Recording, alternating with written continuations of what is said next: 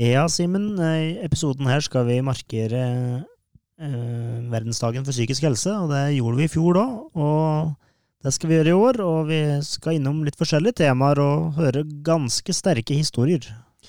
Det skal vi. Det er folk som eh, har eh, sendt eh, melding til oss og vil dele sine historier rundt eh, forskjellige hva skal man si, områder innenfor psykisk helse. Mm. I løpet av episoden her skal vi innom temaer som eh, mobbing og ja, trakassering og litt sånne ting, i skolesammenheng spesielt. da, Og så eh, skal vi innom eh, og prate med Monia Tannonese, som nå er sosiallærer på ungdomsskolen. Ja, og så er vi jo innom Merete Nesmoen Skogli for å prate litt om det å miste et barn. Mm. Og til slutt så har vi prata med ei veldig tøff dame, Ailva Sevelev-Sjølberg som har pratet om eh, det å gå med suicidale tanker. Ja. Så denne episoden her eh, blir en sterk episode, men en viktig episode. Mm. Absolutt. Du hører nå på Alvdalspodden. Alvdalspodden. Ja, da sitter vi her med rektor ved Alvdal ungdomsskolen, Erik Vangen Jole. God dag. God dag. Det er litt uh, komi dette, Halvor, for nå sitter jo vi her liksom og skal innynde oss hos eh, han som eh, gir oss penger til mat på bordet. Ja. Så det er kun derfor vi er her, selvsagt. Ja. Nei, det er ikke det. For dere er ikke kalt inn til rektors kontor? Nei, heldigvis, da. Ja. Det har jeg aldri vært det, Halvor. Jeg tror ikke det heller. Snille gutter. Ja, apropos snille gutter, vi skal prate litt om eh, mobbing og trakassering og sånn i skolehverdagen. Er det mye av det ved alle ungdomsskole, Erik? Eh, svaret er eh, i utgangspunktet nei. Og da baserer jeg meg på det som er formelt, eh, som elevene svarer på spørreundersøkelser. Og da fremkommer det at det er særdeles lite mobbing på ungdomsskolen, og det siste tallet er vel null. Og så er jeg samtidig såpass tydelig på det at jeg tror ikke at det er tilfellet hvis jeg tar gjennom et helt skoleår. Eh, Men da må vi prate mye om hva definisjonen på mobbing er. Men for mange elever så er jeg helt sikker på at de ikke har det bra, dessverre, fortsatt i skoledagen. Mm. De undersøkelsene du prater om der, er det noe du på ungdomsskolen finner på sjøl, eller er det noe Nei. Nei. Den, den tida er forbi. Nå har vi heldigvis gode undersøkelser. Vi har Elevundersøkelsen, som er en stor nasjonal undersøkelse som er lovpålagt å kjøre i 10. trinn. Vi kjører den for 8. til 10. trinn. Eh, og når jeg da refererte til det tallet på null, så er det 10. trinn i fjor, f.eks. Eh, og tar jeg 8. til 10. trinn, så vil det kanskje fremkomme at det er noen som av og til føler seg mobba. Men det er ikke noen som rapporterer på det på omfattende grad. Så det er den ene undersøkelsen. Men så har jeg også en uh, stor undersøkelse som vi har kjørt i Hedmark. Uh, nå med to års mellomrom, Kultur for læring, eh, som også viser mye av det samme. Elevene trives i meget stor grad på Alvdal ungdomsskole. Mm. Skyldes det noe grep du og skolen har gjort i forhold til, eller er, det, er ungene, ungdommen mer eller mindre mobbete nå enn før? Eh, jeg tror eh, det er en kombinasjon. Jeg tror at ungdommen i Alvdal eh, stort sett er kjempebra, kjempesnille. Så det er den ene faktoren, uten tvil.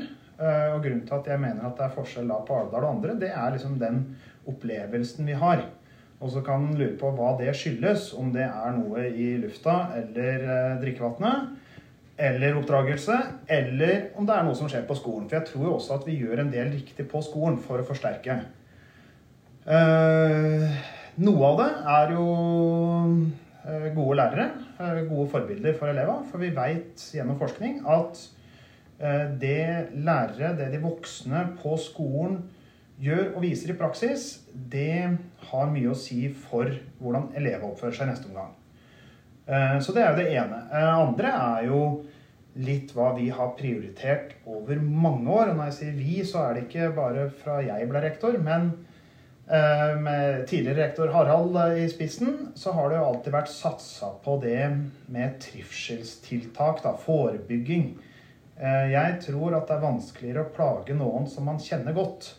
Så det å bli kjent, som vi bruker mye tid på, på ulike settinger, det tror jeg er en viktig faktor for å få til trivsel. Og det har jo Arendal ungdomsskole drevet med i alle år, så vidt meg bekjent. Men de gangene det avdekkes da mobbing eller ja, trakassering, er det da medelever som plukker opp, eller er det lærerne som da plukker opp? Um, det er nok en kombinasjon, faktisk. Um, jeg har vært med på og ringt til en forelder og sagt at nå opplever vi at uh, din ungdom ikke har det greit, hvorpå mor blir overraska. Um, da er det jo vi som har plukka opp alt. Um, men i hovedsak så er det faktisk elever som kommer og sier at de ikke har det greit, på en eller annen måte. Ja. Så tilliten mellom uh, elev og én av lærerne er god her, da? Tydeligvis. Ja. Mm. Det er jo helt avgjørende for i det hele tatt å kunne jobbe med skole. Det er jo at elevene er trygge på de voksne. Mm. Så det henger jo også sammen med denne bli kjent-saken. Altså Det handler jo også om selvfølgelig elev-lærer-relasjon, eller, eller voksenrelasjon. da. Mm. Ja, for jeg føler jo at vi når, vi prater, eller når jeg prater lærere, så er det like mye alle voksne på skolen. Vi har lærere i hovedsak, eh, si selvfølgelig på en skole, men vi har jo vernepleier, og jammen meg så har vi nå en assistent på skolen sånn formelt, da. Eh, I tillegg til undertegnere og kontordame osv. Ja. Mm. Men eh, det jeg bet meg merke til, er at jeg føler jo lærerne er mye mer til stede kanskje nå der elevene er, enn f.eks. jeg gikk på skolen da, for ja, over ti år siden.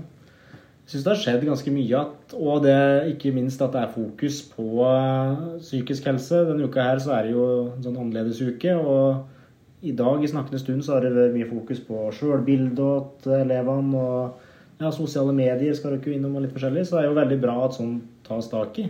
Ja.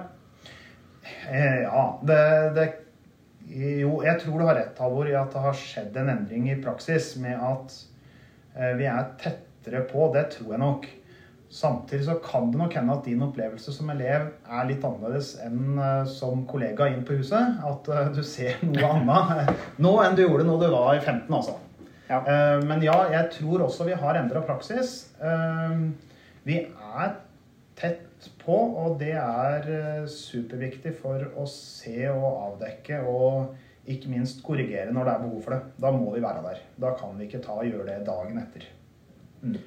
Du har gjort grep eh, her, Erik, om å eh, gi en av lærerne noe som heter sosiallærer. Eh, Kan du si noe om det? Ja, det Vi har vel sånn sporadisk hatt noe sånn litt sånn forsøk egentlig da, på å ha noen som har et ansvar, hovedansvar for det sosiale mot elevene. Eh, Men med en ansatt med sosialpedagogisk kompetanse, eh, og ikke minst eh, mye praktisk kompetanse, så var det veldig nærliggende å tenke som så at her har vi plutselig et verktøy for å få tak i og avdekke mer.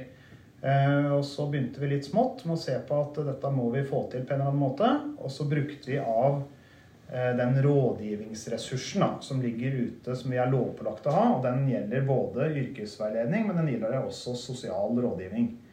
Eh, Så omfordelte jeg litt over på den sosiale biten, eh, og ser at det var et grep som jeg syns i hvert fall virker som er riktig. Eh, Også forsterka ytterligere i år, men det skyldes først og fremst at vi har fått øremerka noen midler fra Utdanningsdirektoratet, som de har sendt ut til alle kommuner for å styrke skolens arbeid med dette her. Eh, Så det ser jeg veldig bra. Da er det en lærer som har ressurs for å kunne prate med elever, eh, kunne fange opp eh, litt mer, jobbe litt mer systematisk i forhold til det sosiale. Og ikke minst for de elevene som kanskje har litt mer å gruble på, så er dette her en fin samtalepartner. Mm. For, eh, du har kanskje sagt litt, men eh, har du inntrykk av at den læreren eh, bruker opp Vi kan jo se det er Monja Tanneneset, vi skal jo snakke med henne litt senere her òg. Den bruka opp eh, ressursen sin. Er jo, er det, var det en god investering, eh, Erik? Ja. Uh, dette er, uh, slik jeg ser det, uh, et helt riktig grep sånn i tiden. Da. Altså det å ha en på huset tilgjengelig, og da prater vi om eh, hver dag, for det er det det handler om for elever. så eh, dukker det opp noe, og det kan være mandag eller fredag for den saks skyld, det spiller min rolle, og da er det noe med å ha den personen på huset. Og Monia sin ressurs, den er uh, brukt opp.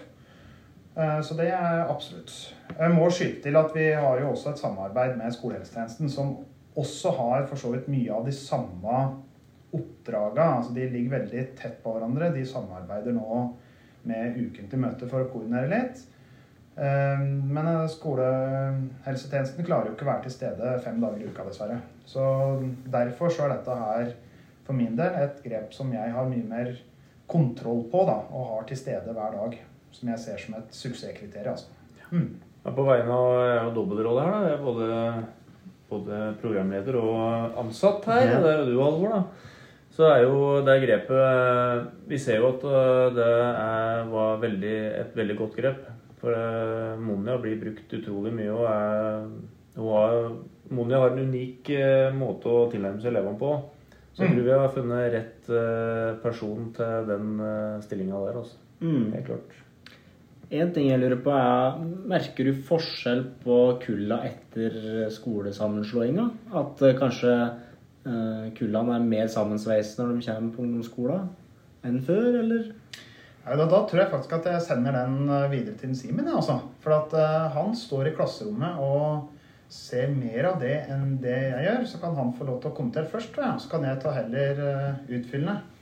Ja, jeg, jeg, tror, jeg tror etter hvert kommer vi til å se, se det. Men jeg, jeg tror at de kulla som vi har fått foreløpig, har vært såpass kort tid sammen på et vis at vi har på en måte ikke båret de store fruktene av det, tror jeg enda. Det, ja, så jeg, tror at vi på sikt kommer til å kanskje se at det blir mer og mer Det er ikke plassens sted lenger.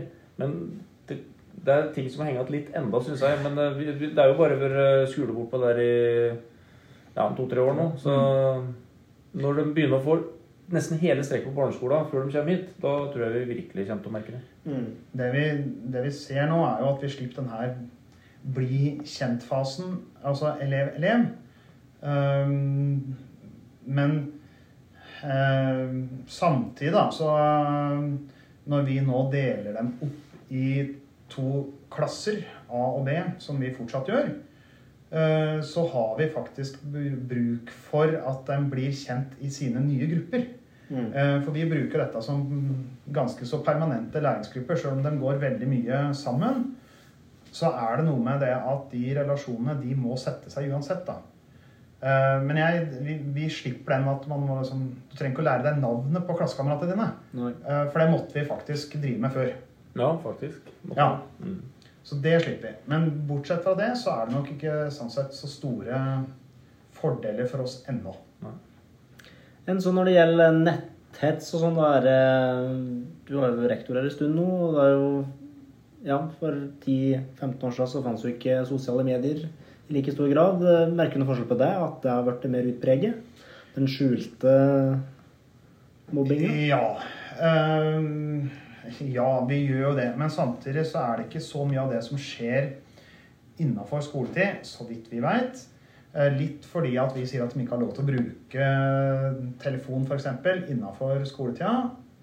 Eh, Så tror jeg nok dessverre det også forekommer av og til. Det har vi jo fått bevist. Men det er jo lite av det som skjer i skoletida. Men det skjer mye uønska nettbruk på fritida. Og det påvirker rett inn i skolehverdagen. Og da har vi flere saker, tilfeller, der det er fritida som påvirker skolehverdagen, og det er sosiale medier som på en måte er grunnen til. At man er utestengt av grupper, eller eh, ikke inkludert i grupper, eller at det er sendt meldinger, eller eh, også delt bilde eller film, f.eks. Mm. Ja, det skjer. Dessverre. Men i forhold til det å oppdra elevene i bruk av sosiale medier osv., vil du si at eh, den uka vi driver med nå, har jo litt med det her å gjøre? Og den nye fagfornyelsen, nye læreplanen til oss lærerne, eh, går det an å se litt Er det, er det en bedre læreplan i forhold til det her enn den forrige? For eksempel, da? Ja, det er det ikke noe tvil om. Mm. Altså, Den nye læreplanen som vi fikk eh, gjeldende egentlig da fra og med i fjor, den er sånn sett fantastisk mye bedre i forhold til det å kunne bruke rom på eh, individ og egenutvikling. Så er det jo ikke tvil om at det er likere, og det er mye mer løfta opp dette her med generelt forhold til det å være Få til et klassemiljø igjen, da. Eh, Det er det fokus på.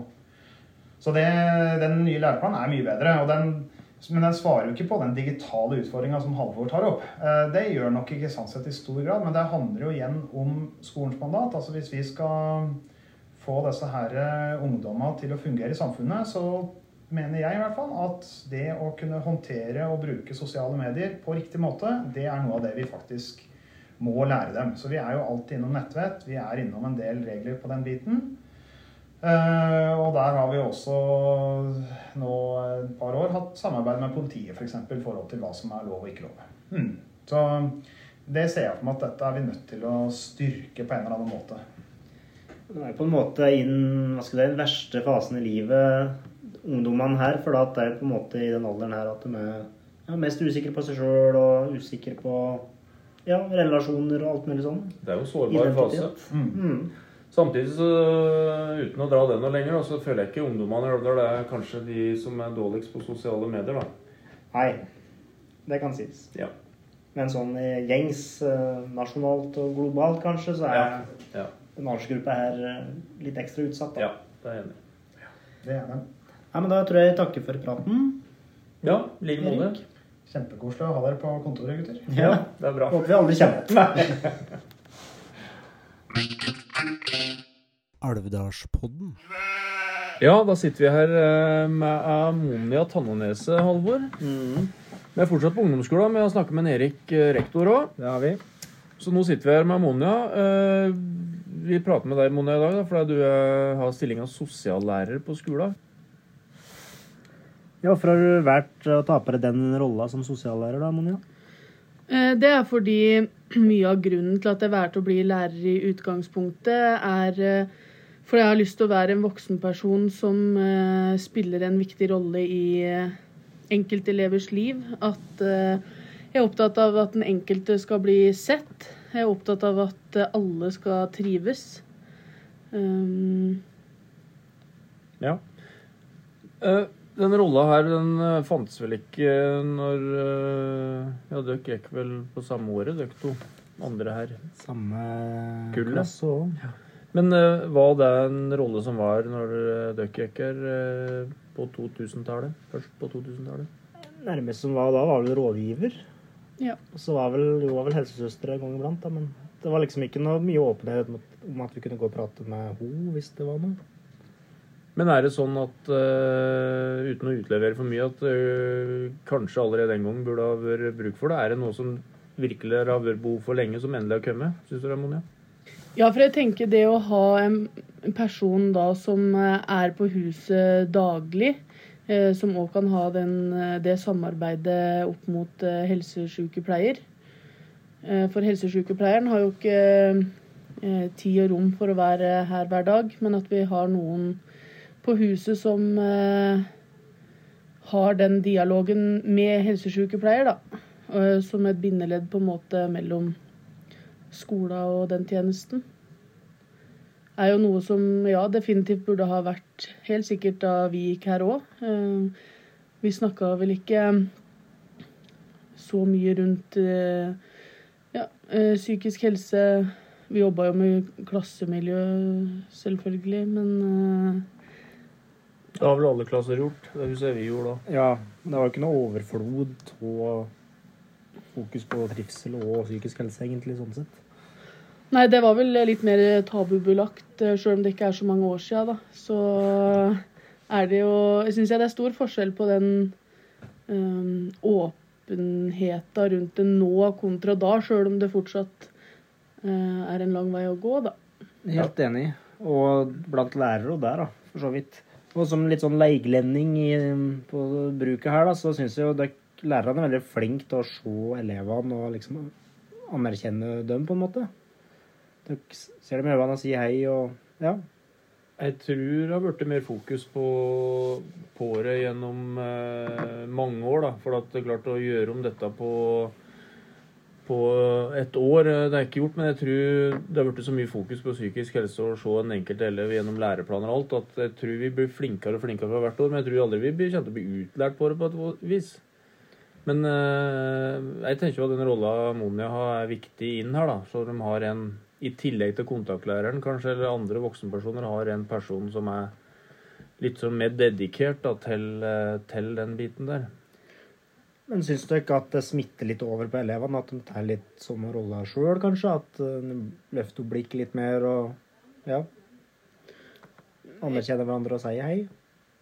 Ja, det, er- jeg vil jo si det ut fra dialogen som er i klassene om hvor viktig det er. Det at vi har mer det fokuset. Um, og vi er nå i gangene, så vi får jo med oss mye. Ikke alt selvfølgelig, men eh, i forhold til det å hilse og sånn, er jo alle trinna eh, veldig opptatt av. Eh, for alle skal oppleve å bli sagt hei til flere ganger i løpet av dagen. Mm. Og så er det ofte litt eh, Elevene ofte litt sånn De vet hva de skal gjøre, men det er ikke alltid så lett å gjøre det i praksis.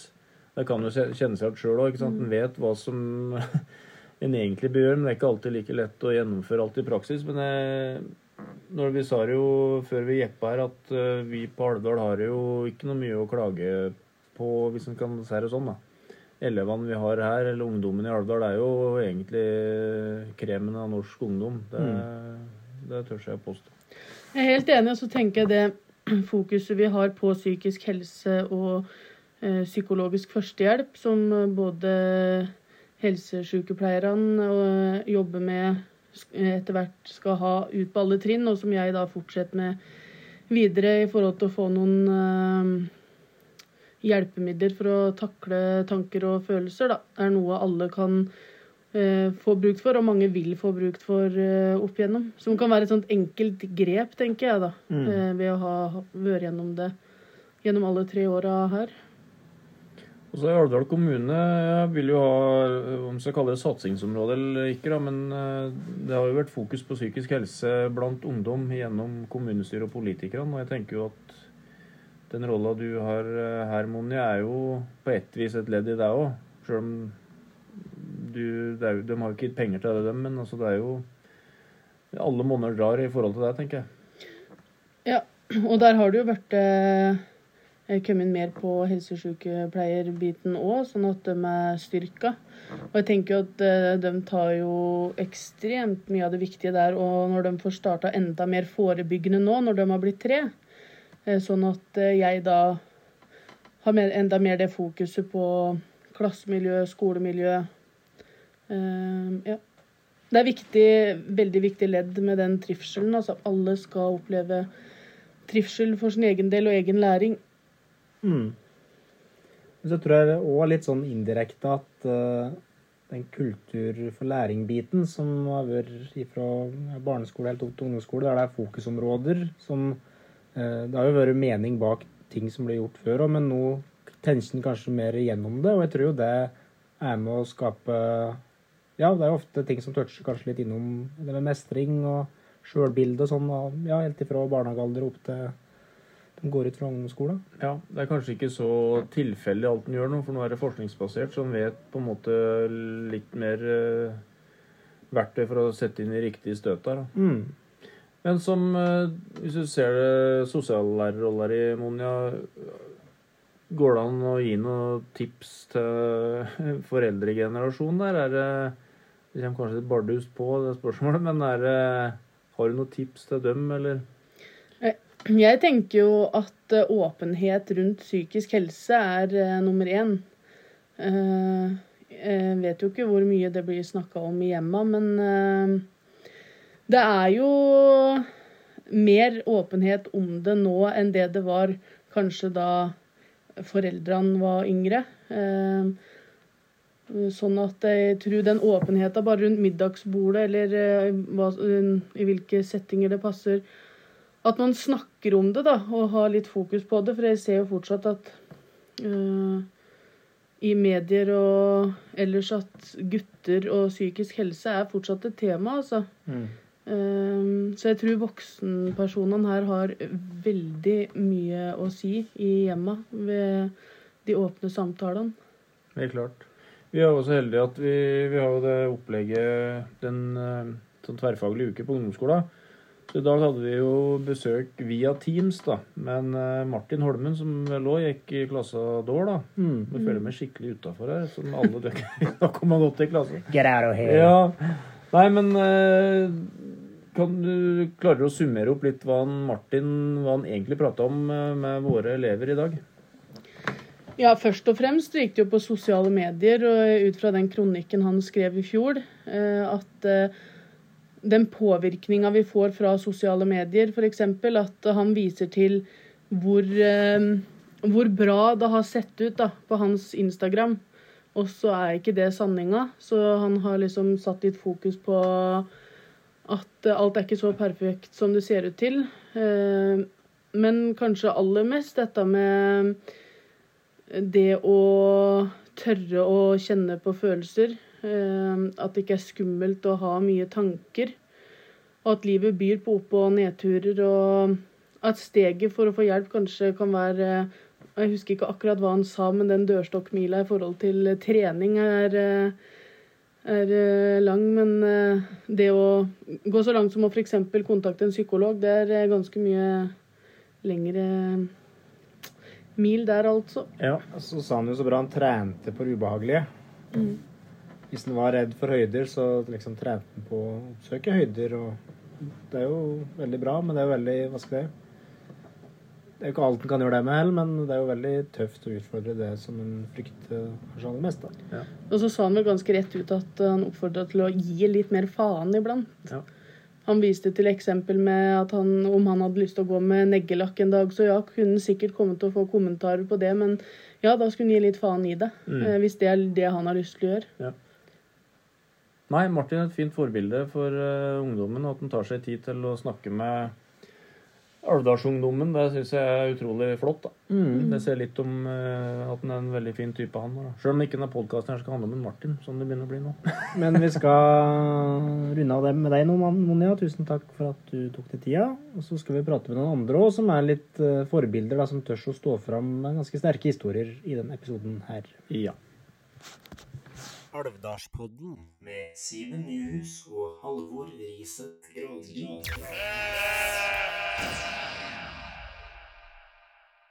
For å advare litt på forhånd, så kan historien dere skal få høre nå, by på ganske sterke inntrykk. Og sliter du med tunge tanker rundt noen av temaene her, eller andre temaer for øvrig, så kan det være en god idé å starte med å prate med fastlegen sin, eller så er det mye god informasjon på helsenorge.no. Der er det òg noe telefonnummer du kan ringe. Så eh, gå inn på helsenorge.no hvis eh, dette er ting du kjenner på. Men kanskje aller viktigst, eh, prat med noen om det. Det hjelper. Ja, Simen, da har vi bytta tema, og vi spurte jo om noe innspill angående temaet psykisk helse, og det fikk vi òg. Eh, Det gjorde vi, så nå er vi Otta Merete Nesmoen Skogli oppe i Brenna. For hun sendte inn et eh, hva skal si, tips til oss uh, angående det med psykisk helse. Mm. Hei, Merete. Hei, ja. Takk for at du sendte innspill til oss. Bare hyggelig. Eh, Du kan jo fortelle litt om hvorfor du valgte å gjøre det, for det er jo ganske tøft å ja, ville stå fram med den type historie som du skal dele med oss nå i kveld. Ja, det er jo det. Men eh, jeg vet ikke, jeg vil ikke at det skal være noe tabu på et vis. At eh, det skal være like naturlig å prate om jeg vet ikke, den psykiske helsa blant folk som at du har brøt av en fot, liksom. At det, og jeg tror de fleste i bygda vet at jeg har vært gjennom dette her. Og ja, det er derfor jeg står fram med navn nå, for jeg, jeg tror ikke det er så vanskelig å skjønne at det er meg heller. Liksom, å være det skal ikke ha noe å si å prate om det. Eller. Jeg syns det er viktig å, å prate om det. Mm. For det er ikke noe som skal bli glemt, og det er noe som vil prege en resten av livet. vet jeg. At, det- men det var noe, jeg opplevde dette, og jeg fikk ikke gjort noe med det på et vis. Og da, det er nå bare sånn. Mm. Og etter å ha jobba på sykehjemmet så ser jeg det at jeg, jeg kan ikke jeg lærte meg sjøl å kjenne såpass at jeg kan ikke gå over bitter for noe som har skjedd. Det, en må bare tenke at OK, det skjedde meg, ja, da må man gå videre. Mm. Det vel det fire år siden du mista to barn? Ja, jeg mista 4. oktober 2017. Da Jeg var jo dårlig form i det svangerskapet, og jeg kjente vel at det ikke var helt Men samtidig så klarte jeg ikke å sette ord på det, liksom. Det, og nå når jeg tenker tilbake, så begynte jeg å få samme symptomene med gutta nå. liksom. Det er i uke tolv at jeg ble svimmel og helt sånn ute av meg sjøl på et vis. Og så begynte jeg på blodfortynne, og da var det som at det løsna. Det Mm. kan skje at det var rett og slett noe med hjertet mitt eller blodomløpet mitt i den, ja, Ja. den forstand. Vet ikke. Hvor tidlig oppdaga legene at det var noe galt? Nei, dette var i uke 38. Jeg begynte å kjenne litt lite liv på slutten. Og var at jordmor og Nei, men det var greit. Og han hadde gått ned i vekst og sånn, men nei, det var greit. Jeg, ja, men jeg klarte ikke å falle til ro med det på et vis. Og dette var mandagen. Eh, så klokka ni fikk jeg time, eller halv elleve. Ja.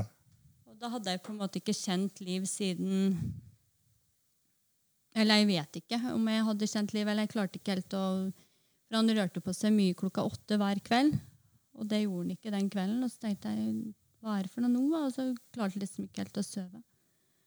Men så la jeg meg til å sove og våkna dagen etter. Ja, men han har jo ikke rørt på seg, sa jeg til samboeren min. Hva er, hva er det nå, liksom? Mm. Og så møter vi opp til jordmor, og Nei. Det er ikke noe hjerteaktivitet her, sier jordmor. Og jeg bare her, liksom? Men på en måte så Underbevisstheten sa jo at han var død, men jeg ville jo ikke innse det på et vis, for at jeg, jeg visste nesten ikke hva det ville liksom, jeg, Du tenker jo ikke det når du går gravid. At, å, jeg har aldri tenkt den tanken, jeg Nei. før etter jeg mista. Da begynte jeg liksom å tenke at oi, jeg vil ikke feire noe babyshower, for eksempel. For det, du har ikke noe garanti. Hva hvis det går galt, da? Så har du feira, og så sitter du der og Ja. Mm. For da vi kom tilbake fra sykehuset, så var det jo Jeg hadde jo ordentlig stand alle klærne. Eh, senga var redd opp, alt var klart, ikke sant? Og så kommer du hjem igjen, og det er liksom hva Ja. Det, hva, hva gjorde du det neste døgnet da, eh, hvis en kan spørre om det? Eh, nei, du er såpass i sjokk at eh, Hele neste døgnet var jo på sykehuset. Da ble jeg jo satt i gang. For han, han må jo ut igjen, liksom. Det, det er ikke om at du får keisersnitt, og så er du ferdig med det, liksom. Det, men når jeg tenker tilbake på den fødselen, så var faktisk det den fineste fødselen jeg har vært borti. For at eh, da jeg fikk av Turi, så var det flying inn og ut på fødestua og nesten litt sånn rullebånd, da. Men nå så var det så tilstedeværelse. Du, jeg hadde jordmora innat meg hele tida, og hun hjalp meg liksom gjennom prosessen, både fysisk og mentalt. at det, hun var der hele tida, og så var hun så tøff. Hun, liksom, hun hadde jobba i Bergen og hadde mye erfaring med dette. Så var så trygg i rollen sin. og Jeg følte meg så godt ivaretatt, rett og slett. Og det var ikke noe stress, for når du er under fødsel så tenker du at åh, ja, man må jo ut, liksom. Man kan ikke stå der lenger, liksom. Men på et vis, så, når den er død, så er det jo et fett. Eller, ja, det er jo Men ja, nei, jeg vet ikke hva jeg skal si, men uh, det var en fin fødsel oppi det hele. Jeg tenker det at uh, Og um, ja. Men det som var verst, var vel egentlig For at jeg hadde jo hatt Turi fra før.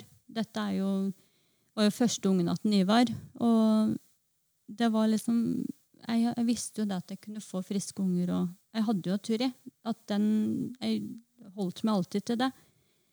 Men eh, verste opplevelsen og det minnet jeg har fra fødestua, var at Ivar sto borte et vindu og med han, en Markus, da, som han het, og skulle vise den liksom verden. Men det Ja, og så ligger jeg i senga der og liksom bare Det var liksom det som var verst. For at vi, han fikk ikke vise den verden, liksom, på et vis. Det var hans første gutt. Og liksom Og etter det så har Vi har jo fått to fine gutter etter det òg, liksom. Det har jo gått gravet fem av sju siste årene. Liksom. Det har jo det, ja, det har blitt sånn.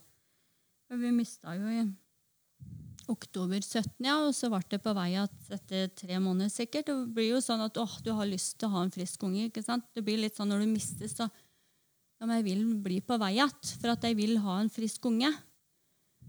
Og så kommer Jeg vokser jo nesten ikke. Dette var jo ei jente. Eh, 26. mai 18. Da fikk vi beskjed at Eller det var vel uka før. Ja, vi klarer ikke å måle noe lårbenn på fosteret. Jeg bare Hæ, ja, sier du at Har hun ikke født, eller hva er det for noe, liksom? Nei, jeg tror faktisk ikke det. Jeg tror vi må sjekke opp dette litt mer, så du må sendes på Riksen. Og jeg bare En ny runde, liksom. Enda en gang. Det var Ja. Og jeg vet ikke, når du har mista opptil flere ganger, så Du blir på en måte litt vant at å ja, det gikk galt at nå, liksom. Et slag i trynet igjen, liksom. Og ja, da vi mista Markus, så Vi gikk ut av fødestua med en bamse, liksom. Vi satt oss på denne bussen, eller ja Helseekspressen, eller hva den heter, og vi satt der med en bamse. Jeg sa at Nivar at vi sitter med en bamse, liksom. Det er det vi har med oss. Det er ikke det vi skal ha med oss, liksom. Um, da hadde vi jo nettopp gått gjennom Ja, vi hadde jo en egen begravelse på et vis, eller bisettelse. Og verste var liksom den barnekista, og alt var så ut av deg sjøl, for at du har liksom aldri gått gjennom det. Første turen, det var jo liksom Ja, jeg hadde jo aldri gått gjennom det, og det var Ja, det var jævlig tøft. Det har vært jævlig tøft, og det er tøft i perioder, men det verste er vel merkedagene, liksom. Det, jeg har lovt meg sjøl å ikke tenke at ok, nå skulle han ha vært fire år. Nå skulle han ha begynt på skolen. Jeg har lovt meg sjøl å ikke tenke sånn. For det stopper når du mister, så Det stopper der. Han fikk ikke oppleve den første bursdagen, han fikk ikke oppleve jula. han fikk ikke... Det, det stopper der. Det stopper med døden. da. Det, så jeg lovte meg sjøl å ikke tenke sånn, men jeg, tanken streifer meg jo. Nå skulle han være fire år. Åssen var Turid da hun var fire år, liksom? Og så Ja. Og så kan han være mye sint når han har mista. Han vet ikke hvem han skal være sint på. Hvem skal han være sint på? Var det meninga at han skulle dø, liksom? Var det Ja. Det er jo på en måte brutalt nok naturens gang. Det er Mm, jo ja, nei, det er jo ingen han kan skylde på. nei. Men eh, ja, dette er jo en mors verste mareritt. Men etter den første gangen, etter han Markus eh, Mm. at ikke, ja. Eh, hva tenkte du da når du satte i gang med svangerskap nummer to? Hadde du noe angst på at Oi, hva hvis det går galt igjen? Det har jeg hatt med alle etterpå. Eller jeg vil ikke si angst, men bare sånn redd, liksom. Engstelig. Mm. Jeg begynte ikke å hyperventilere og var helt, ikke helt der, liksom. Men det var jo innimellom at jeg bare Hjelp, liksom. Og nå har vi kommet til det punktet at nå holder det, liksom. Med tre stykk det holder. Og jeg har gått gjennom De fire siste har jo vært inn og ut av Riksen, ikke sant. Sykehus eh, hele tida, for jeg ville ha blitt ført opp i Oslo. Og da har det blitt mye kjøring og Ja, for at jeg, da vil jeg være sikker at dette For vi har jo gått til fostermedisiner etterpå. Ja, det, har, det er ikke som å ta en Tynset-tur og en vanlig ultralyd, og så er du ferdig, liksom. Det, Nei. Ja. Har du hatt noen å prate med da, i forbindelse med dette? Med andre mødre som opplevde det samme, eller eh, ja, psykologer, eller ja, jeg har venninner som har opplevd det samme. mm. Så jeg har prata mye med dem, og jeg gikk til psykolog litt etterpå, liksom, men da bare ja, er jeg deprimert, eller er det noe galt med meg, liksom? Nei, ja. Nei, det, det er helt normal sorgreaksjon. Du er ikke deprimert, eller det er ikke noe galt med deg, liksom. Så da, ok, da var det ikke vits å gå der noe lenger. Og jeg har ikke gått der noe mer. Og, men jeg, det, jeg føler det at det er ingen som kan sette seg inn i det så fremt en ikke opplever det sjøl. Men det er ingen som, det, det skal mye til for at du har opplevd det samme på et vis. For da jeg mista uke 38, så er det såpass sendt at det, det, Han var jo over tre kilo og 53 eller 54 lang. og Han var en baby, liksom. En ordentlig baby. Det er ikke som at du mister uke 12. og Det kan være like tøft, det òg. Det skjønner jeg jo. At det er jo et påbegynt svangerskap. Det er en unge for lite, uansett hvor mange uker det er. Men når du går et helt svangerskap og får den i trynet at nei, men han er død Du har brukt liksom ni, nesten ti måneder og båret fram noe som bare er nei. Og fra gammelt av så ble jo ungene bare lagt i kiste med den siste som døde på sjukehuset, eller ja. De fikk ikke ei egen grav. Eh, De ble liksom bare sånn nesten som søppel. De ble liksom lagt i avispapir under ovnen, liksom. Sånn, da Så jeg er så glad for at tida har forandra seg. For at jeg, jeg har jo noen andre i slekta som har opplevd det samme, og, og hun sitter opp med den at hun savner å ha ei grav å gå til. Ja, men Merete, du har ei grav å gå til, i hvert fall. Jeg har ikke noe å gå til. Det er liksom Jeg vet ikke hvor den ligger engang. Nei, for det, det, er, det er en veldig sterk uh, historie å sitte og høre på. Vi blir prega både jeg og en Halvor her. Og, nei, for det er, det, det er jo veldig unaturlig å begrave sine egne unger. Mm. Det er Ikke ikke Det er jo ikke det som er naturens gang her. Nei. Men at du klarer å sitte her og prate om det så lett, eller hva man skal si, ikke så lett kanskje, men sånn som du gjør, det er jeg imponert over. Nei, eh, den eh, Hvor sa du i stad hvor langt du hadde kommet med nummer han Nei, hun andre du mistet? Med jenta var jeg 19 uker på vei. Ja. Og da gikk jeg samtidig med ei anna i her i Alvdal, og jeg bare ja, men du har da nesten ikke mage, du. Hun andre har da For da var jo nesten halvveis. Det Ja. var jo som at jeg var 11-12 uker på vei, og bare ikke deg engang, liksom. Ja, det er sant. Jeg, ja. Og da Nei, vi var jo på Elverum, og nei, klarer ikke å måle noe lårben. Så Nei. Og hun hadde osteogenesin imperfecta. Det er skjelettdysplasi, da. Det var en nyoppstått genfeil. Det vil si at eh, det mest eller grunnleggende i kroppen ikke er der. Mm. Mangla brystben, eller brystbeinet gikk innover, mangla ribben. Jeg vet ikke, alt var på en måte galt, og da på en måte er det greit. Ja. Hun var ikke levedyktig, hun hadde ikke overlevd fødselen engang, for at dette er den verste graden av uh, skjelettdysplasi. Du kan leve med grad 1, da er det liksom at du bryter av mange, Du kan bryte av foten og hånda, liksom, eh, du bryter av fort, da. Men hun hadde ikke overlevd fødselen engang, så mm, det var ikke noe lett avgjørelse. Ja, da er vi over på det å ta abort, da. Det var jo en abort. Ja. Jeg måtte jo ta det, for at det, det var jo ikke levedyktig. Jeg fikk jo beskjed om det, og vi var jo et fostermedisinere opptil flere som bekrefta det at dette er ikke liv laga. Du skal få slippe å gå gjennom et nytt svangerskap hvor du vet at dette er ikke noe å bære fram. Og da er vi litt med abort at eh, jeg vil ikke sitte her og si at jeg er for eller imot. Det jeg har ikke noe grunnlag egentlig til å si noe om det, for jeg har ikke tenkt så mye på det. Men uh, når det ikke er levedyktig, da mener jeg at da skal du få slippe. Rett og slett. Ja. Enkelt og greit. Men uh, videre da, da, hvis en tenker noe Ble du jo gravid uh, en gang et, eh, både en og to ganger etter det, som Ja. gikk bra, som du sa i stad. Ja. Åssen ble følelsene Var du kjempenervøs, for nå hadde du mista to stykk?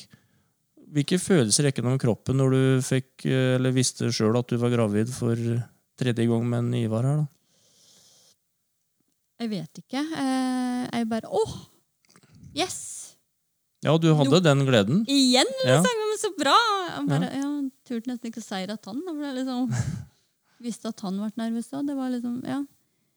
Men jeg vet ikke. Det gikk så fort. Og når eh, Ja, da hadde jeg jo turer fra før, og det gikk jo ett. Og liksom Det går i ett når en har unger. Det rekker ikke å tenke. Det er når det kommer til kveldinga, da kan en sitte og bare åh. Jeg har jo dager hvor jeg bare kan begynne å grine. Jeg har ikke lyst til å gå ut av døra. Jeg har lyst til å ligge bare i senga. Jeg vil bare ikke treffe folk. Jeg vil bare føle synd på meg sjøl. Ja, da gjør jeg det. Da trenger jeg en sånn dag. Greit, da er det liksom Men så tenker jeg nei, fader heller. Jeg tar på meg joggeskoene, og så går jeg med en tur. For Det går ikke an å ligge her og føle synd på seg sjøl. Det kommer ikke noen vei med det. liksom. Og når en har tre unger, så jeg, det er jo ikke når de er hjemme, eller når de er hjemme, så jeg prøver jo liksom Du holder deg jo oppe hele tida. Det går jo i ett, og du, du rekker ikke å tenke. Det er bare sånn. Så Nei, det er om kveldene, hvis jeg ja, sitter for meg sjøl. Hvis en er sliten mentalt, da kan, kan det komme en sorgprosess. At, en blir lei seg. Ja.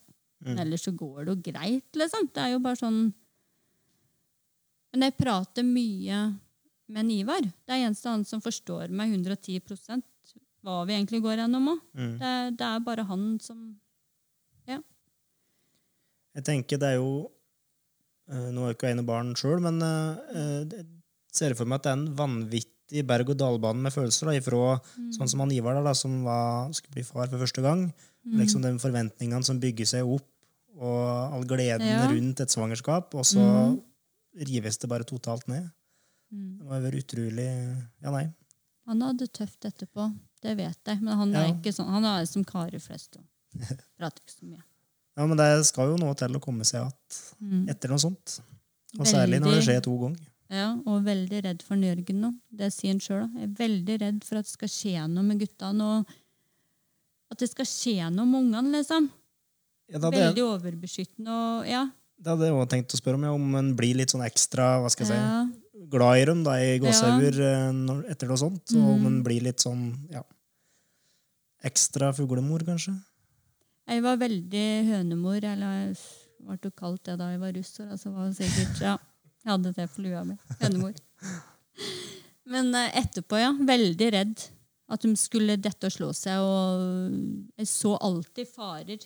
Ja, veien, Mm. trappa. Liksom, pass på ikke Ja. Men nå så er det sånn åh, datt du igjen, ja. ja. Greit, opp og stå. Det går bra. Det er liksom de, Han daua ikke, liksom. Du daua ikke, tenker jeg. Mm. Alltid hvis det er noe, liksom. At jeg, jeg har nok sluppet litt på det nå. At det, det er bare sånn. Det er jo Men jeg er ikke religiøs, eller noe sånt, men jeg mener da at eh, Eller jeg tror da at eh, når du blir født, så er det også en dødsdato. At det er jo nesten bestemt at du skal dø 25. september 21 skal du dø, liksom. Det er, jeg tror det er på en måte bestemt etter ja, den jobben jeg har, og så er det liksom Er det mulig, liksom? Det, det virker noen gang som at det var bestemt. Mm. Når hun eller han Ja. Du klarer ikke å framskynde det, og og du klarer heller ikke å bremse det på et vis. At det, det er bare kroppen, eller om det er biologisk eller jeg vet ikke, fysisk, at det er bare sånn at Ja. Men jeg tror det er på en måte nesten bestemt. At, eh, ja, så er det nesten litt sånn at den skal få deg, og den skal få deg. Og, og som bestemor sa helt da Jeg var jo lita da hun døde, men du får ikke mer enn du klarer å hanskes opp med, eller klarer å bære. Og det tror jeg det er noen ord som jeg alltid tenker at ja, Mm. Nøren får litt. Det er jo, eh, som jeg sa i stad, at du sitter og prater om det nå, så er det jo at du har vært gjennom en sorgprosess, men du har òg gått videre, som du har sagt sjøl. Ja. Men eh, det syns jeg er så fint at du sier at eh, noen dager er litt tyngre enn andre, og da gir du deg sjøl litt tid for å få lov til å være litt lei deg. Ja. Men så tar du på deg joggeskoen og kommer deg i gang igjen. ikke sant? Men det er å, å gi deg sjøl litt tid, og det kan være terapi i seg sjøl i, i mitt hue. da. ja. Mm. Jeg kan skrike og vel kjempelei meg og bare ligge og grine, og så er det sånn Nei, men jeg kan ikke ligge her. Herregud, jeg må jo opp, jeg må gjøre noe. Jeg har ikke tida til dette, liksom. Og så kan jeg prate til meg sjøl på et vis. Jeg kan prate til veggen. Bare få ut frustrasjon. Ja. Sånn, da er jeg ferdig med det. Da har jeg sagt det. Ja. Da er det greit. Før vi runder av, eh, Merete, eh, har du noen tips til andre som går igjennom eller har gått igjennom samme prosessen? Eh, ja, hva skal jeg si? Uh, da jeg mista, så følte jeg liksom Du føler deg på et vis mislykka. Hva er det for noe gærent med meg nå? Hvorfor mista jeg liksom det? Og, og så blir det såpass sjokk.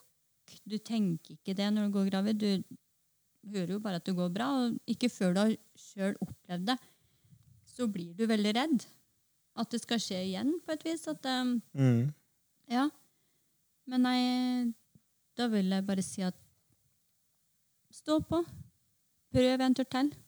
Og prøv å holde ut som samboer òg. Det er jævlig tøft Mm. for samboerskapet. Det er en prøvelse. Det kommer du til å være òg. Men eh, en må bare prøve igjen. Men det er ikke bra å bli så fort på vei at en, ikke henger med helt. At en bare er sort. Og så, ja, det er jo forskjellig, det er individuelt. Men det er godt å gå gjennom den prosessen òg. Mm. At en blir ferdig med det som har vært før en begynner på et nytt svangerskap. Ja. For jeg ble jo fort på vei at ja, det var noe greit nok. Men det er liksom Jeg kjenner jo det enkelte dager at åh, ja, men jeg skulle jo hatt han nå, liksom. Hvorfor fikk jeg ikke han nå, da? Mm. Og så kan han bli nesten litt irritert, da. Ja, men du må se hva du har òg.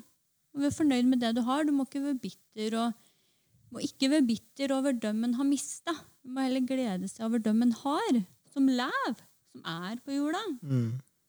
For eh, i jobbsammenheng òg, når jeg møter folk som melder privat òg, så Ja, mange unger har du, ja? Ja, når jeg er fem. Når jeg har mista igjen. Og så er det den vi blir stående og prate om. Den har mista. Mm. Det er den har mista, liksom. Det blir ikke dem som lever. Ja, men hva Da prøver jeg Åh, ja, men Så leit. Vet du hva det er? Jeg skjønner åssen du har det. Mm. Jeg opplevde det samme sjøl. Kanskje det er helt på Kanskje han døde da han var 20 år. Jeg mista da han Ja, men det er forskjellige sorgprosesser ute og går. For at du sitter igjen med den at Ja, men jeg fikk ikke oppleve at han var 20 år. Han, han døde før han, han fikk ikke oppleve Jeg fikk ikke oppleve det, men du fikk ha gutten din i, i 20 år, da, på et vis. Eller bare et eksempel. At han hadde jo liksom levd litt Men det er, det er så forskjellig. Altså, å miste en unge er vondt uansett alder. Det er vondt uansett, det. Mm. Og årsak og forløp og sånn. Uansett. Det er helt jævlig. Det går ikke an å beskrive det. Du, du, du blir helt ødelagt. Tom i perioder. Ja. Eh, ja. Ja, det er vanskelig å sette seg inn i òg, men Mhm. jeg merker at den blir prega her, ja. Men eh, du skrev det, Merete, i meldinga du sendte til oss, at du hadde en drøm om å starte eh, lokal gruppe her i Alvdal òg. Eh, gruppe som heter For oss som har et barn for lite. Mm. Kan du fortelle litt om den gruppa eller foreninga? Det er jo på landsbasis. Det er forskjellige lag eller ja, lokalt da, Mm. over hele landet. Eh, Her i Arendal, så tenker jeg liksom bare om en så går seg en tur da, sammen. Vi som ja, si, ja, vi, ja, vi har mista Jeg vet jo om mange flere. Mm. Og det kan jo være eh, for 30 år siden òg. Det er jo mange, Jeg er jo på kirkegården, jeg ser jo det. ikke sant? Å jeg har dem mista, ja? Da har de, ja. Og så er det enda en. og så- Det, er jo, det ligger mange unger på kirkegården, Mm. hvis en går og ser. Det er, det er noen der. Det er flere. Det er ikke bare vi som har opplevd det, liksom. Og jeg vet ikke. Bare å kanskje treffes og ta en uh, jentekveld, eller om det så er karer òg. Det kan være fedre òg. Det er ikke Det kan jo være godt for dem òg å prate om det. Mm.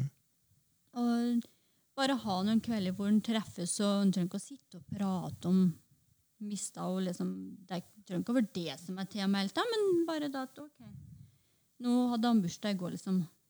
Ok, ja, hva, Da prater vi om det, liksom. Det er det som er temaet.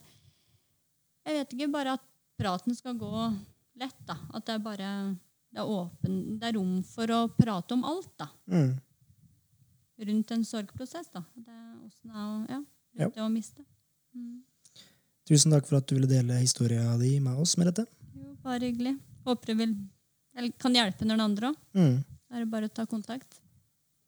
Det var ikke bare Merete Nesmoen Skogli som tok eh, kontakt med oss i forbindelse med denne episoden her.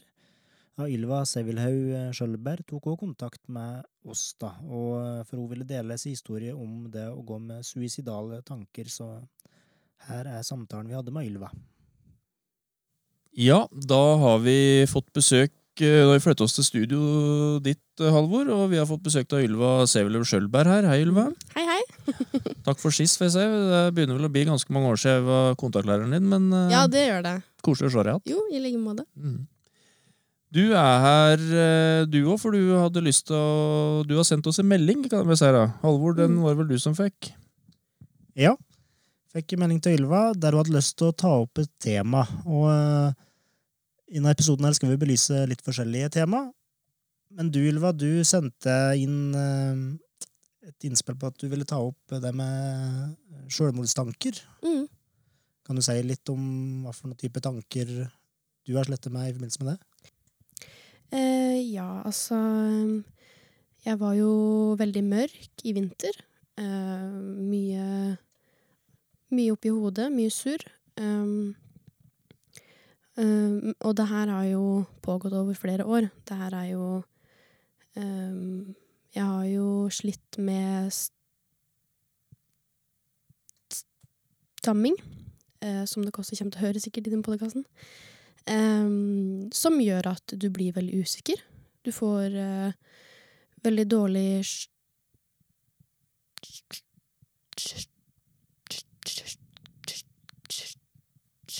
sjøltillit. Um, og når det går med dårlig sjøltillit over flere år, så um, Ja, da man blir jo ikke så høy i hatten. Um, så, så det er jo noe jeg har slitt med. I tillegg så um, følte jeg jo i, i sånn ungdomsskole og videregående at jeg ikke mestra det helt. Uh, I tillegg så føler man jo at man ikke mestrer det sosiale, og så bygger det seg bare på da, til at du uh, At det blir veldig mange problemer du ikke får til å løse sjøl. Um, og så begynte jeg jo hos eh, psykolog i fjor høst. Eh, hadde tett oppfølging der. Men det var jo i vinter, da, i januar og februar, der jeg var mest mørk og hadde Hadde det ja, verst, da, kan jeg si det sånn. Um, Eh, ja, jeg vet ikke hvor nær du var da, med å på en måte avslutte alt, men åssen eh, kom dere ut året? um, jeg brukte jo ganske lang tid på å bli frisk når du er såpass nede som du er, da, psykisk, så er det klart at det er jo en sjukdom. Du blir jo sjuk. Um, så jeg brukte ganske lang tid på å bli frisk. Jeg, når jeg var på mitt aller verste, så var det jo i vinter, januar-februar. Um, og så jobba vi jo kontinuerlig eh, både én og to ganger i uka hos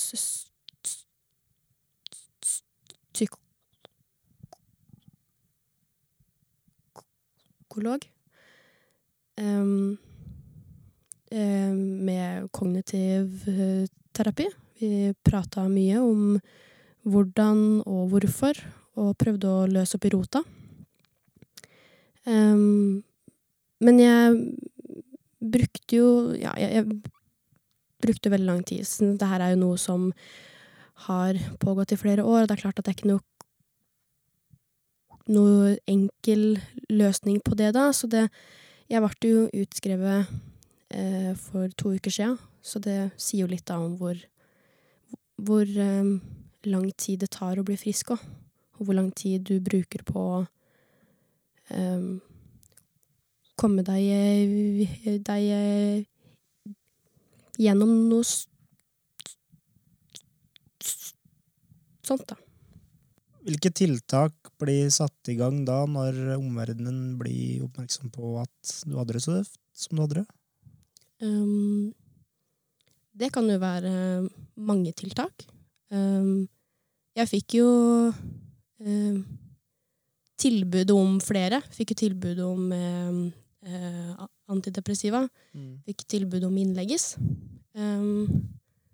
Men for min del så ble det viktig For jeg slet også mye med søvn og det med mat og sånt. Så for min del var det viktig å ikke skulle blande i masse medisiner. Eh, For det Vi prøvde det i lita uke, og det funka ikke. Jeg reagerte veldig dårlig på det.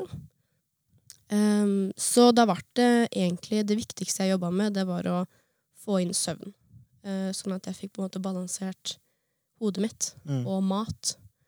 Uh, og de der um, veldig sånn basic tinga, da. Kunne, sånn at jeg fikk overskudd til å også jobbe videre da, med hodet. Mm. For det må nesten være på plass. Mm. Vet du hvorfor du slet med søvn, eller er det noe du har liksom ikke fått sovne igjen hele livet? Er det sånn type, eller er det noen spesiell grunn til at du ikke fikk sove, tror du? Um, nei, altså det er jo et tegn på eh, at eh, altså når du ligger og ikke får sove. Eh, eller egentlig så kan det gå Du kan jo sove for mye, og så kan du sove for lite. Det er jo litt sånn opp til hver enkelt. Men um, det er jo et tegn da på at den ikke har det så bra, Ja. rett og slett. Mye tanker som Mye tanker som kverner. Mm. Vi er jo alle veldig, veldig glad, Ylva, for at eh, du eh, til slutt sa det til noen. Mm. Det er vi. Mm. Det er jeg veldig glad for sjøl, da. Ja. For det var jo litt eh, Det er jo Det viktigste en gjør, det er å si til noen. eh, Blande inn noen andre, sånn at du ikke står eh, alene i det. Um, og det er jo det Det å bare si til noen, det er jo det som er på en måte vanskeligst. Når du først har sagt det til noen, så er det på en måte ikke noe vei tilbake. For da har du liksom tatt det steget ut da og sagt ja, nå må jeg ha hjelp. Følte du at det ble litt mindre vekt på skuldrene bare, bare ved å si det? Mm. Ja. Slipper jo å bære alt sjøl, da. Mm. Og så vet du at um, um, det alltid er noen på vakt, på et vis. Mm. Det høres litt dumt ut å si det sånn, for du um, Det er ikke sånn at andre skal passe på deg. Dette er jo en jobb og en prosess som du må gjøre sjøl. Det å bli frisk igjen, eh, komme seg ut av sånt. Men um, det å ikke stå alene i det, å ha noen som du kan snakke med og gå til når ting er dritt, det er veldig viktig. For ja, da får du jo letta litt på trykket, da. Når du først valgte å ha opp vinduet og slippe ut driten, eh, var du da åpen om det åt både venner og alle som var rundt, deg, eller var det familie først og fremst? Um, først og fremst så sa jeg det jo til kjæresten min. Um, og når det vart Vi så jo det at det ble veldig tungt å bære bare oss to. Mm. Så sa jeg det til uh, psykolog, og så til mamma og pappaen min. Jeg sa det jo til et, eh, jeg sa det til et par venner også. Men det er klart at når du først har sagt det, så, er, så vet du jo at det er jo ikke en ting du tar opp liksom bare helt sånn altså ut av det blå. For det er jo ganske uh, heavy. Mm. Um, så du må på en måte finne riktig sted og riktig tid. Men um, jeg syns det var viktig, eller jeg synes det var godt å være åpen om det. Um, for da fikk man litt mer forståelse på hvorfor man var så rar. Eller man blir jo litt sånn annerledes av å ha mye oppi hodet. Du blir jo kan bli litt sur og sint og kortlunta, som jeg ble. Mm. Hadde lite tålmodighet med dem som var rundt meg. Mm. Det er klart at de så jo det. Og da fikk de litt sånn forståelse da, på at å ja, da er det ikke så rart at du har vært så kortlunt og inneslutta og ha sosial. Fordi det har jo ikke vært så greit. Nei. Men fikk du mye støtte fra omverdenen, eller ble det plutselig mange som begynte å bry seg? Og andre del av spørsmålet mitt, eh, blir det en belastning òg, eller blir det bare godt at folk viser medfølelse og, og støtte? Eh, For min del så eh, mm, Litt begge deler. Eh, Du føler jo Jeg følte mye på skyld. Ja. At åh, det her var liksom veldig mye å komme med. For jeg så at de rundt meg ble veldig lei seg og veldig redd. Mm. Um, Så det er klart at uh, du sitter Du deler jo et visst ansvar. Eh, og folk tar det ansvaret. De Mm. bryr seg, og de stiller spørsmål, og de vil jo være der. Um, men da, det resulterer også i at du sitter og tenker at åh, nå gjorde jeg at folk ble lei seg. Sant? Mm. Um, og det er jo ikke en negativ ting, egentlig. I hvert fall ikke sånn som det sto til da. Da måtte man jo ha noen til å være litt lei seg, da. Mm. For da skjønte du alvoret. For min del så var det veldig viktig at jeg skjønte at ah, det her var litt mer tungt enn det jeg kanskje skulle ha til sjøl. For du går jo og tenker at ah, det her er jo ingenting, sant. Um, Kommer seg ut av det og null Mm. stress. ja, du, du opplever kanskje at uh, ting var litt tøffere enn det jeg kanskje hadde trodd sjøl. Mm.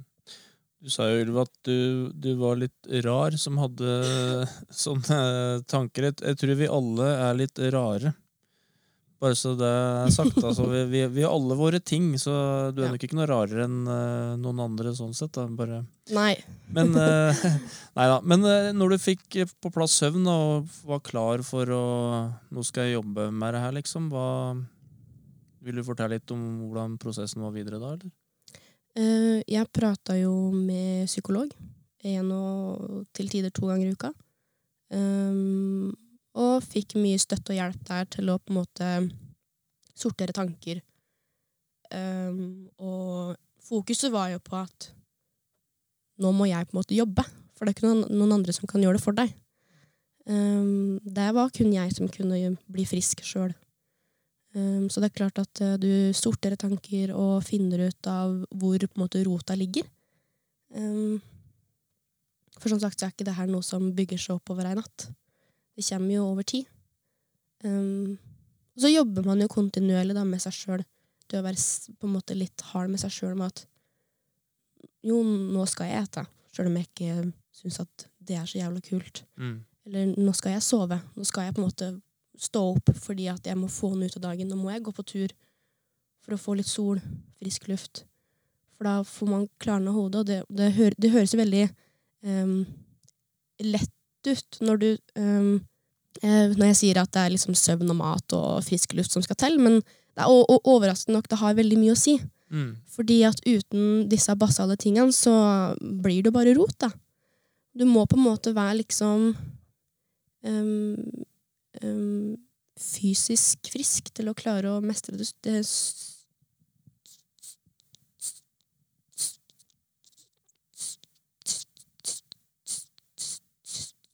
psykiske.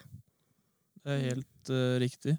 Du var jo egen, Du var vel russ i, i vår òg, du, var ikke det? Ja.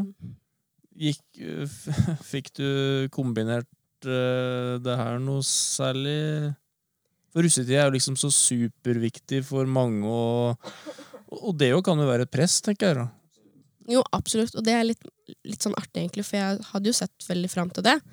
Eh, men eh, når du går gjennom noe sånt nå, og du på en måte eh, Du får litt viktigere ting å tenke på, så blir det liksom ikke så viktig at I tillegg så reagerte jeg veldig dårlig på, alkohol. Det var jo alkohol og mye tunge tanker. Det fører jo til mye stress og sånn. Så jeg hadde jo mye panikkanfall. Så det kutta jeg ut helt. Ja, ikke kanskje helt, men at, jeg, at jeg, jeg var veldig flink på det at ikke skulle over, liksom overskride det. da. Mm. Fordi at um, det er jo ikke noe koselig, det heller. Det er jo en opplevelse i seg sjøl, og det, hvis du ikke har opplevd det, så er det veldig vanskelig å sette seg inn i åssen det føles, men det er jo veldig ydmykende og sårt. Mm. Så det er klart at man vil jo styre unna det når man var i store folkemengder og sånn. Um, I tillegg så var jeg ikke så mye ute i rusttida. Fordi at det her skjedde jo i Jeg var jo veldig mørk i vinter. Januar-februar. Uh, og det er jo ikke noe som går over av seg sjøl. Så det er klart at uh, når russetida kom, og sånn, så hang det fortsatt att. Jeg var jo fortsatt liksom dårlig. Uh, for det er jo en sjukdom, det å være liksom mørk. Sant? Så, Mm. så mørk at du liksom har lyst til å dø. Da, da er du jo sjuk. Um, så jeg var jo sjuk veldig lenge. Um, og det gjorde at jeg ikke liksom fikk eh, vært med på alt, kanskje. Sånn rent sosialt. Mm. Fordi jeg måtte fokusere på meg sjøl. Og man så liksom ikke viktigheten i det å dra ut en kveld. For det var liksom ikke det viktigste i verden. Nei. Jeg er jo kjent på mye av samme tankene som du hadde, og Ylva, da jeg var rundt alderen din. Og det som ble viktig for meg, det var liksom å dyrke det som en følte en var god til, og det en mestra. Og bare gjøre mer til det. Og det er på en måte det jeg har gjort nå i senere tiår. Og for eksempel det rommet her, til studioet her, er jo et sånt frirom for meg, så hvis jeg har, har det tunge tanker, så hjelper det bare å gå hit. Eller, ja, eh, trekke frisk luft og være ute, liksom, og få tenkt på noe annet. Og ikke minst omgi seg med folk som har god innvirkning på seg, da. Og det vil jeg jo tro du har òg. Mye gode folk rundt deg. Og så ser du hvem som er der og ikke òg. Mm. Så det er klart at du, du lærer mye av det. Det er jo en erfaring du tar med deg. Um, du lærer veldig mye om deg sjøl, og så lærer du veldig mye om andre. Mm. Um, både på godt og vondt. Um, hva skal jeg si? Gjorde du deg noen oppfatning om åssen døden var, eller var du, var du redd for døden, og hadde du noen forestillinger om den? Um, jeg var nok ikke um, redd døden sånn sett. Ikke på slutten, iallfall. Um, da var jeg veldig sånn Jeg var liksom Jeg synes, jeg, jeg følte at det var liksom um, litt riktig. Um, det har jo en viss um, smitteeffekt, kan man si, da. Når man opplever at Eller jeg så iallfall for min del, så um, kunne det vært viktig med en stemme som sa at uh, nei, men det kan gå over òg. Um, for jeg hadde på, på en måte kun sett at det var en løsning Mm. å dø. Uh, fordi mm, alt rundt gikk jo som det skulle. Det var ingen andre som kom til å ta noe større skade enn sorg av at jeg skulle dø. Så det er jo Jeg følte at jeg på en måte mm, Det var liksom prosess med det å um, lage unnskyldninger da, for meg sjøl. At nei, men det går fint. Den og den klarer seg veldig bra. Så, og så står man igjen med et par stykker som er litt vanskeligere å kjøre fra. Eh, familie og kjæreste og litt sånt.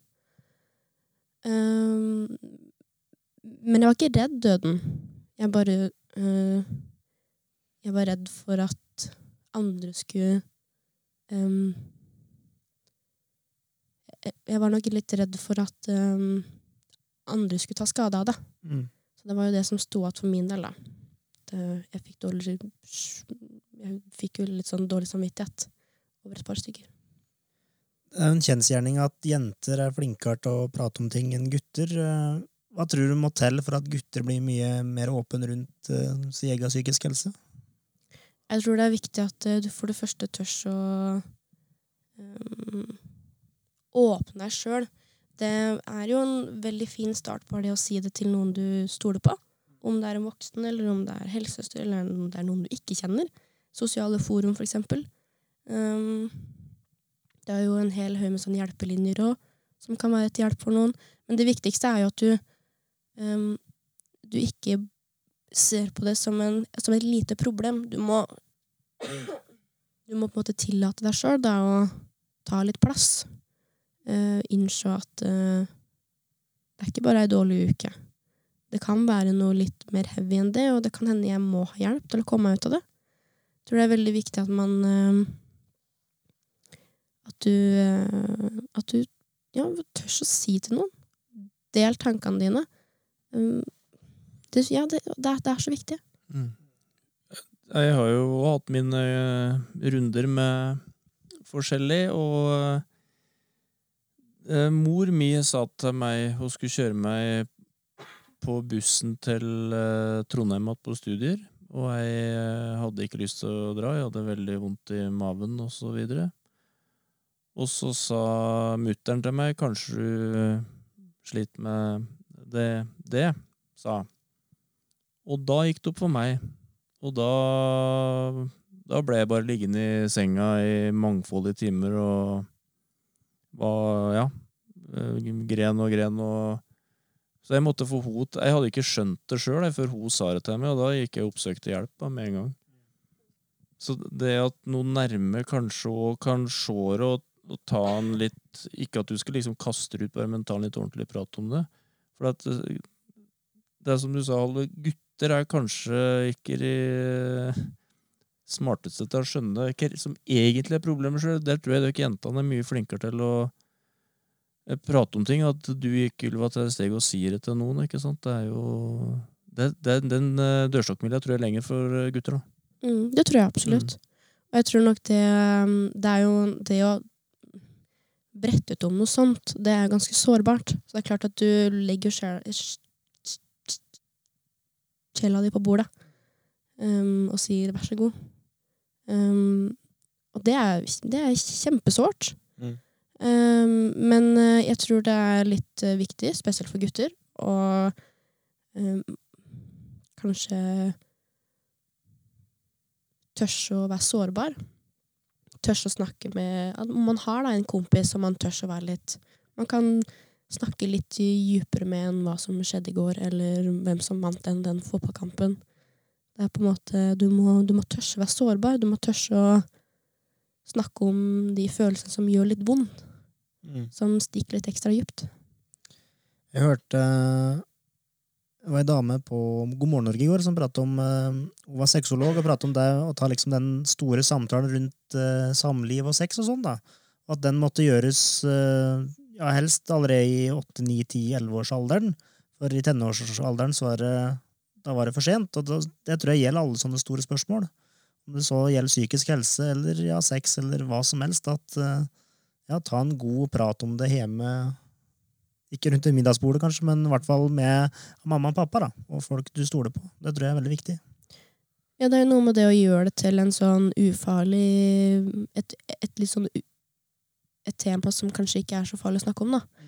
Um, n- ikke normalisere det, for det, er jo ikke normalt å ha det sånn, men å snakke om det, fordi det skjer overalt, det skjer med hvem som helst.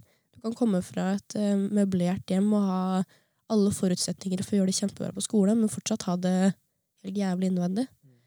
Um, så det å på et vis um, ikke være så naiv, da, og tro at uh, det ikke skjer her, det også er kanskje viktig. Det å innse at eh, det kan skje med naboen din, det kan skje med broren din, det kan skje med kompisen, eller han som du tilfeldigvis så på gata, liksom. Kanskje med hvem som helst. Åssen har du det i dag, da, Ylva? Mm, eh, kontra i vinter så er det kjempebra. Jeg har det veldig bra. Um, um, men det, man kjenner at det har vært tungt.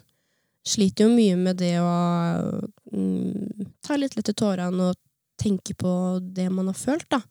Fordi jo lenger eh, vekk man kommer fra det, jo mer innser man at Oi, er det det der? Har jeg tenkt det der? Har jeg følt det? Har jeg, har jeg ville tatt mitt eget liv? For det føles så fjernt, for det er jo ikke det jeg sitter og tenker i dag. Um, så det er litt sånn surrealistisk. Og så får en kanskje litt dårlig samvittighet for dem som har vært rundt, og for seg sjøl, ikke minst. Man syns jo, syns jo kjempesynd på seg sjøl. For det er jo ikke Det er ikke lett. Det er jo ikke noe morsom følelse å sitte med. Eh, men setter du mer pris på livet i dag, og at livet er mye bedre kanskje nå i ettertid enn det det var i forkant, da, før Mm. du begynte å kjenne på den krisa her? Mm.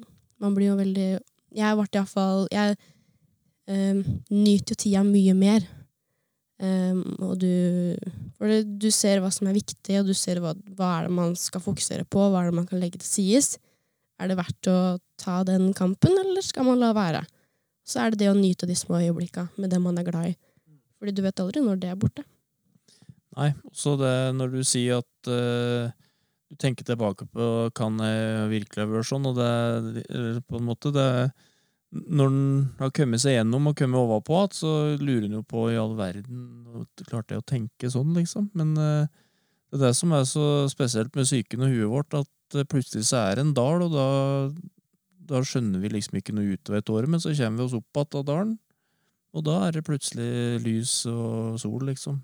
Så at det der eh, skal vi ha respekt for at ja, noen kan være litt lei seg til tider. Du sa du var litt kort og sånn avvisende i stad, ikke sant, når du hadde litt eh, Eller du hadde det ganske kjett, for å si det mildt. Jeg var veldig mye sint. Ja, og det, men det folk må få lov til å være da, Da kan det trenger ikke å være at du er sint på akkurat det, men at det kan være andre ting som ligger i bånn her. da. Mm. Mm. Og så, som jeg også har sett nå, da, jeg har blitt veldig oppmerksom på andre. Veldig oppmerksom på eh, typiske sånne kjennetrekk. Um, og um, jeg er veldig opptatt av at andre ikke skal sitte og føle det sånn. Og i hvert fall veldig opptatt av at man skal få hjelp, da. Så hvis man Det, det også tror jeg er sånn viktig for alle, uavhengig av hva du har sett og hørt og lært. At uh, det er alltid en grunn for at folk er som de er. Og det kan være små grunner, og det kan være store grunner, men man skal alltid ha i bakhuet at uh, man vet jo egentlig ingenting. For det står ikke i panna på en hva man føler. Nei. Du nevnte i stad, at du hadde lyst til å jobbe med noe innen helse. Hadde Har den drømmen blitt større etter Som du sier, du har vært mye flinkere til å se andre. Har måte drømmen om å kunne jobbe med det eh, blitt sterkere i ettertid? Mm, mye sterkere. Og nå er jeg jo på en måte Jeg var jo veldig sånn usikker på hva jeg ville bli før, egentlig. Jeg visste at jeg ville jobbe med liksom, folk og sånn, men jeg tenkte jeg kunne bli hva som helst. Um, men nå er jeg veldig eh, fokusert på at um, Eller fokuset ligger mer på sånn innafor um, psykisk helse, da. Eh, psykolog, psykiatrisk sykepleier, noe innen det. Rus og psykiatrien, da. Sånn Mm. rent hovedsakelig, kanskje. Eion Simen har hatt litt om eh, rundt eh, sosiale medier og ungdom eh, i arbeidssammenheng i dag. Eh, Har du blitt flinkere til å liksom luke ut sånne ting? Sånne ting som kan påvirke deg negativt? Ja. Ehm, jeg tror at ehm, du ehm, En vet jo sjøl hva en blir påvirka av, og hvem. Så det er klart at når du, hvis du klarer å luke ut det, så har du gjort deg sjøl en kjempetjeneste. Mm. Um, og det kan jo Det er sånn som man kan gjøre sjøl om man ikke på en måte har vært gjennom sånne ting òg. At en måte um, um, er litt forsiktig da med hvilke omstendigheter man har rundt seg. Det var godt sagt. Eh, Det med at en kan luke ut ting, det tror jeg kanskje alle vi har i menneskene i dag, hvis en kan si det så stort, har bruk for. Da. Det var utrolig trivelig. For det første har jeg på besøk Ylva, og at det er utrolig sterkt å høre på det du har fortalt, og det er viktig det du har fortalt, syns jeg. At du eh, som eh, Hvor gammel er du nå? 20? 19? 19 ja. At du sitter her og snakker så åpent om det, det er Jeg blir stolt av deg, kjenner jeg. Så det er utrolig koselig. Enig med deg, og så vil jeg sitere en eh, sang som vi alltid sang på slutten av hver skoledag på Plasskolen, og det siste strofa der er 'Jeg er glad for at du lever', og ja, det er jeg virkelig. Mm. Takk for at du kom på besøk. Tusen takk for at jeg fikk komme. Tusen takk for at du har hørt på denne viktige episoden her, og husk at uh, sliter med noe, så prat med bestevennen din, uh, favorittlæreren din, bestemor eller bestefar, mamma eller pappa, hvem som helst, men prat om det. Det får være siste ord. Ha det. Alvdalspodden med Simen Nyhus og Halvor Riset Granli.